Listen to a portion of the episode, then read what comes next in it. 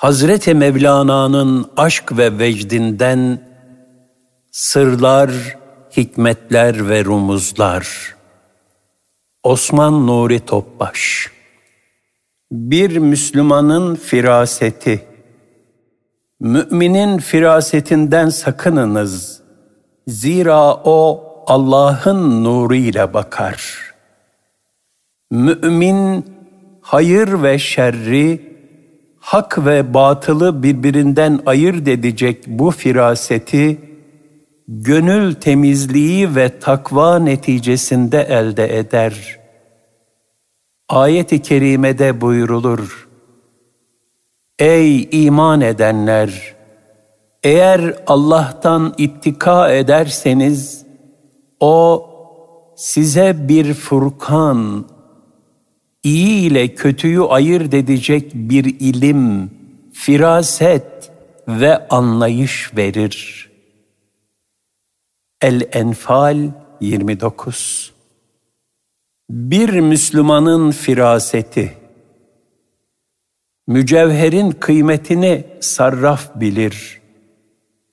Hazreti Ebu Bekir radıyallahu anh Efendimizin faziletlerinden biri, Bilal-i Habeşi'yi zalim müşriklerin elinde kölelikten kurtarmasıydı. Hazreti Mevlana gönül lisanıyla şöyle anlatır. Bilal-i Habeşi'nin Müslüman olduğu için zalimane bir işkenceye tabi tutulduğunu işiten Hazreti Sıddık radıyallahu an Hazreti Mustafa sallallahu aleyhi ve sellemin huzuruna çıktı ve vefalı Bilal'in halini arz etti. Dedi ki, o felekleri ölçen mübarek varlık senin aşkına düşmüş, senin muhabbetine tutulmuştur. Bu yüzden zalimler o melek tıynetli insana zulmetmektedirler. Suçsuz olduğu halde kanatlarını yoluyorlar. O büyük defineyi şirk ve isyan toprağına gömmek istiyorlar. Yakıcı güneşe karşı kızgın kumlara yatırıyor, çıplak bedenini dikenli dallarla dövüyorlar. Fakat o, teninden çeşme gibi kanlar fışkırdığı halde, Ehad, Ehad, Allah birdir, Allah birdir diyor. Hakka secdeden vazgeçmiyor. Hazreti Ebu Bekir'in merhamet ve şefkatinden dolayı vücudunun her zerresi mahzun ve gamla dolu bir dil haline gelmiş. Bilal'in halini Hazreti Peygamber'e büyük bir üzüntü içinde uzun uzun anlatmaktaydı. Nihayet gönlündeki niyeti izhar edip, Ya Resulallah, onu satın almak istiyorum. Bütün servetimi harcamaya hazırım. Cenab-ı Hakk'a gönül vermiş, onun ve Resulünün kölesi olmuş. Bu yüzden de Allah düşmanlarının hışmına uğramış, işkencelere maruz bırakılmış o mübarek insanı, o halden kurtarmadan bu canıma dünyada rahatlık yoktur dedi. Hazreti Mustafa sallallahu aleyhi ve sellem bundan pek memnun oldular ve Ey Allah'ın ve Resulünün merhametli dostu! Bu ticarette ben de sana ortağım buyurdular. Hazreti Ebu Bekir radıyallahu an derhal Bilal'in sahibinin evine yollandı. Bilal yapılan işkencelerden ötürü baygın bir vaziyetteydi. Hazreti Bilal'in sahibi olan o merhamet mahrumu insana acı sözler sarf etti. Dedi ki, ey habis, ey hiddetten gözü kararmış merhametten nasipsiz.'' bu Allah dostunu nasıl dövüyorsun? Ey insafsız, bu ne kin, Bu ne garaz? Ey merhamet fukarası, kendini insan mı sanıyorsun? Ey insanlık mahrumu, nefret edilmiş kişi! Sen insan kılığındasın ama insanlığın yüz karasısın. Bu sözlerden sonra Ebu Bekir radıyallahu an adamın aç gözünü dünyalıkla tıkadı. Öyle ki bu duruma Bilal'in efendisi iyice şaşırdı ve Ebu Bekir'in halini hayretle seyretti. Onun bu hayretini fark eden Sıddık-ı Ekber Hazretleri, Bilal'i satın alıp azat ettikten sonra, onun nasipsiz eski sahibine şöyle dedi. Ey ahmak! Sen çocuk gibi bir cevize karşılık bana paha biçilmez bir inci verdin. Fakat haberin yok. Bilmiyorsun ki Bilal iki dünyaya değer. Ben onun ruhuna bakıyorum. Sense teninin rengine. Eğer sen satışta biraz daha bastırsaydın, onu almak için daha fazlasını verirdim.'' daha da bastırsaydın neyim varsa verir, hatta borca girerdim. Yine de bu alışverişten ben karlı çıkardım. Ey nasipsiz kişi! Şunu iyi bil ki mücevherin kıymetini ancak sarraf bilir. Bu kıssa bize ilk Müslümanların Mekke'deki tevhid mücadelesini anlatmakta. Onlar iman cevherini korumak için her türlü işkenceye, hakarete, zulme, aç bırakılmaya razı oldular. Allah da onlardan razı oldu. Mazlum, zayıf Müslümanlar böyle işkenceler çekerken Kuvvetli ve zengin Müslümanlar onları unutmadılar. Kuvvetliler zayıfları kendilerine zimmetli bildiler. Çünkü Cenab-ı Hak ve ahsinu innallâhe yuhibbul muhsinin İhsanda bulunun. Allah ihsan sahiplerini sever.'' buyurmuştur. El-Bakara 195 Yine Beled suresinde kölelerin azat edilmesi, merhamet vazifelerimiz arasında tadat edilir. Fakat o gafil insan sarp yokuşu aşamadı. O sarp yokuş nedir bilir misin? Köle azat etmek, veya açlık gününde yakını olan bir yetimi yahut aç açık bir yoksulu doyurmaktır. Elbelet 11-16 Müminler birbirine zimmetlidir. Günümüzde zahiren kölelik olmasa da görünmeyen zincirlere vurulmuş sessiz feryatlarla inleyen nice kardeşimiz vardır. Onlara Ebu Bekir Sıddık Efendimiz gibi el uzatmak, onları dünyanın, şeytanın ve nefsaniyetin zincirlerinden kurtarmak vicdan borcumuzdur. Hazreti Ebu Bekir radıyallahu anh'ın babası Ebu Kuhafe bir gün oğluna şöyle dedi. Oğlum, sen hep zayıf ve güçsüz köleleri satın alıp azat ediyorsun. Madem köle azat edeceksin, şöyle güçlü kuvvetli köleleri satın al da tehlike ve kötülüklere karşı önünde durup seni korusunlar. Hazreti Ebu Bekir radıyallahu anh ise şu cevabı verdi.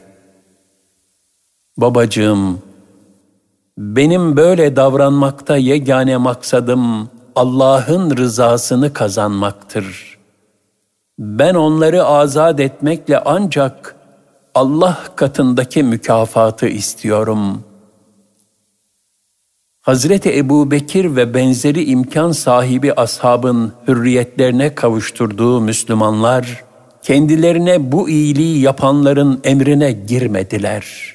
Fakat İslam'ın hizmetine girdiler. Peygamber sallallahu aleyhi ve sellem Efendimizin en kıymetli mümessilleri oldular. Kıssanın bir diğer mesajı da ideal, keyfiyetli insanın kıymetidir. Kıymetli insana paha biçilemez. Cafer-i Tayyar radıyallahu an hazretleri Habeşistan'a hicret eden Müslümanların reisiydi. Onların gurbetten vatana dönüşleri Hayber'in fethine tesadüf etmişti.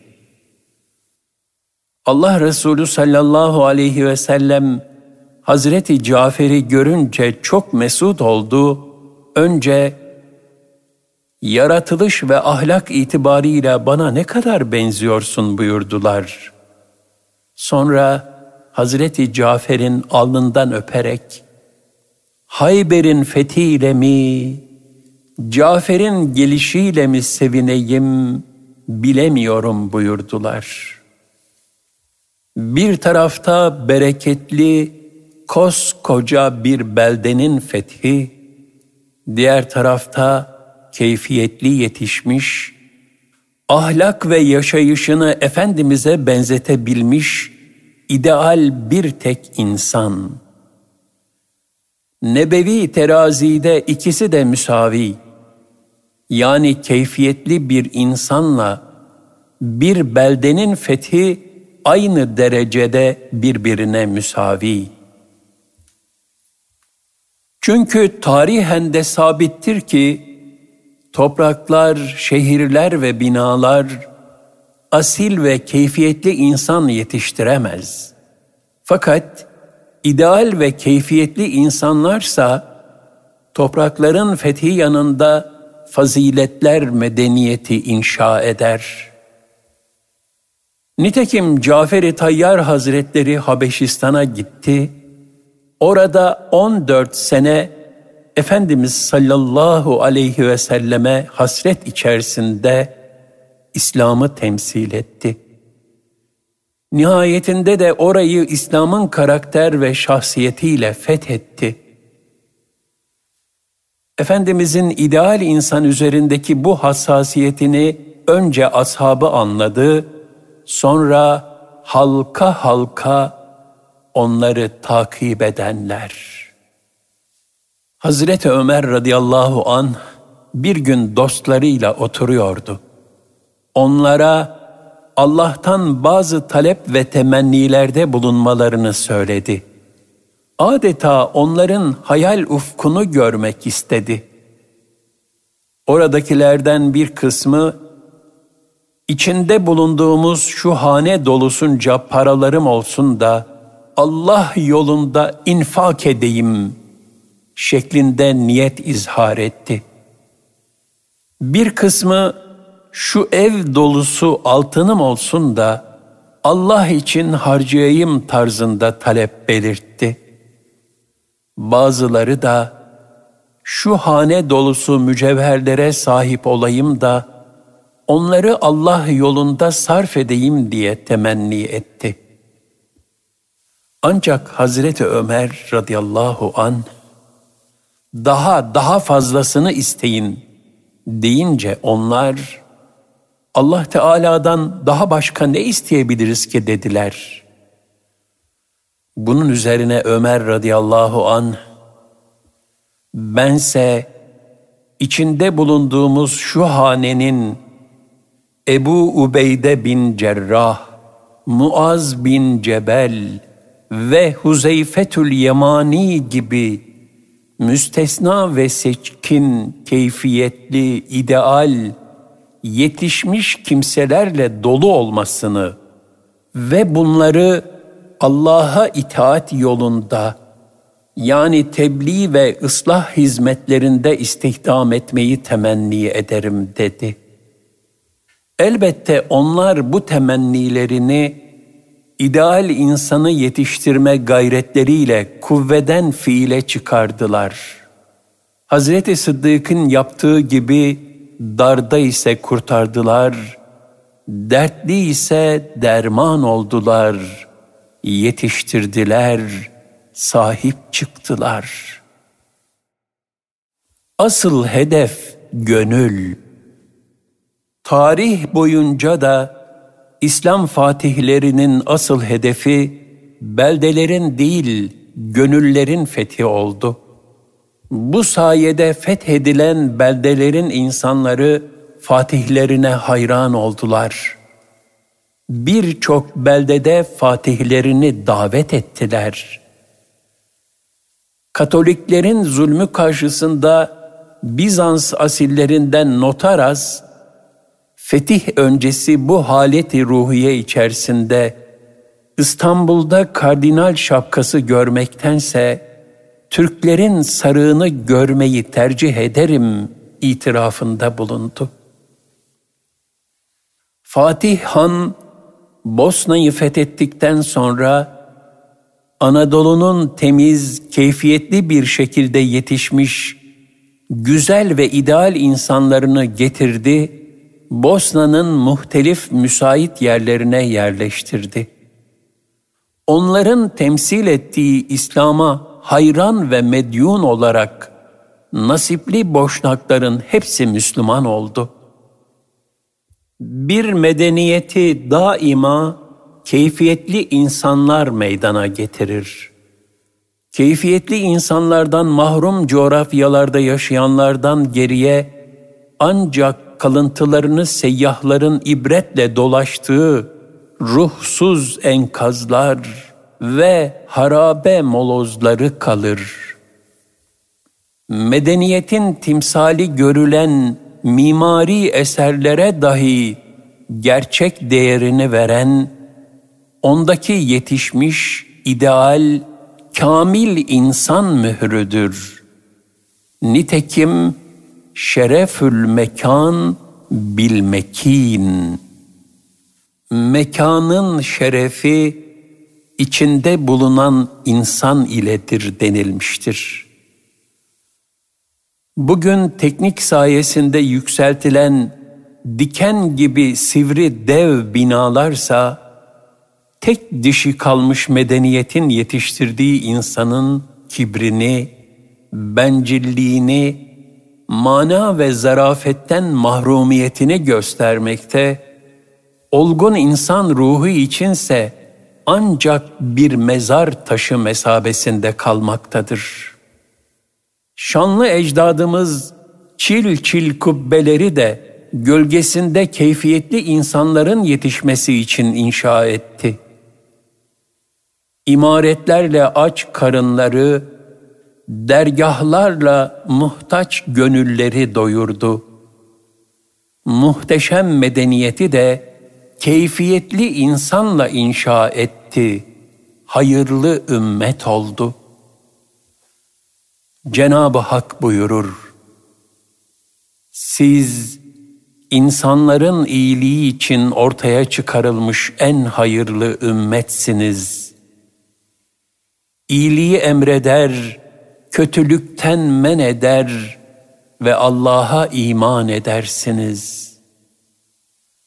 Ali İmran 110 Ecdadımız kendilerini ve nesillerini keyfiyetli insanlar olarak yetiştirerek bize hayırlı ümmet olma hususunda en güzel numuneleri sergilediler. O keyfiyetli insanlar üç kıtada nice beldeleri de fethetti. Sonra o beldelerin istidatlı çocuklarını ideal insanlar halinde yetiştirerek onların iki dünyalarını mamur etti. Bu ideal insanlardan biri Enderun'da yetiştirilmiş Bosnalı Sinan Paşa'ydı. Yavuz Sultan Selim Han'ın Mısır seferi esnasında Memlük fedailerinin Yavuz'u şehit etmek için hücum edecekleri anlaşılınca Sinan Paşa Yavuz'un elbiselerini giydi, hücumu üzerine çekti. Bir plan dahilinde saldırı bertaraf edilecekti. Bir ideal insan, bir başka ideal insan için canını ortaya koyuyordu. Neticede düşman bertaraf edildi ama Sinan Paşa da şehit düştü. O Kadir Şinas padişah hadisatı yine o nebevi teraziyle tarttı ve hüzünle Mısır'ı aldık ama Sinan Paşa'yı kaybettik dedi. Beş asır önce bugün de İslam dünyasının en büyük ihtiyacı olan ittihadı, birlik ve beraberliği tesis eden Yavuz Sultan Selim Han, bu davanın önüne kim çıkarsa onu zaaf göstermeksizin ortadan kaldırmıştı.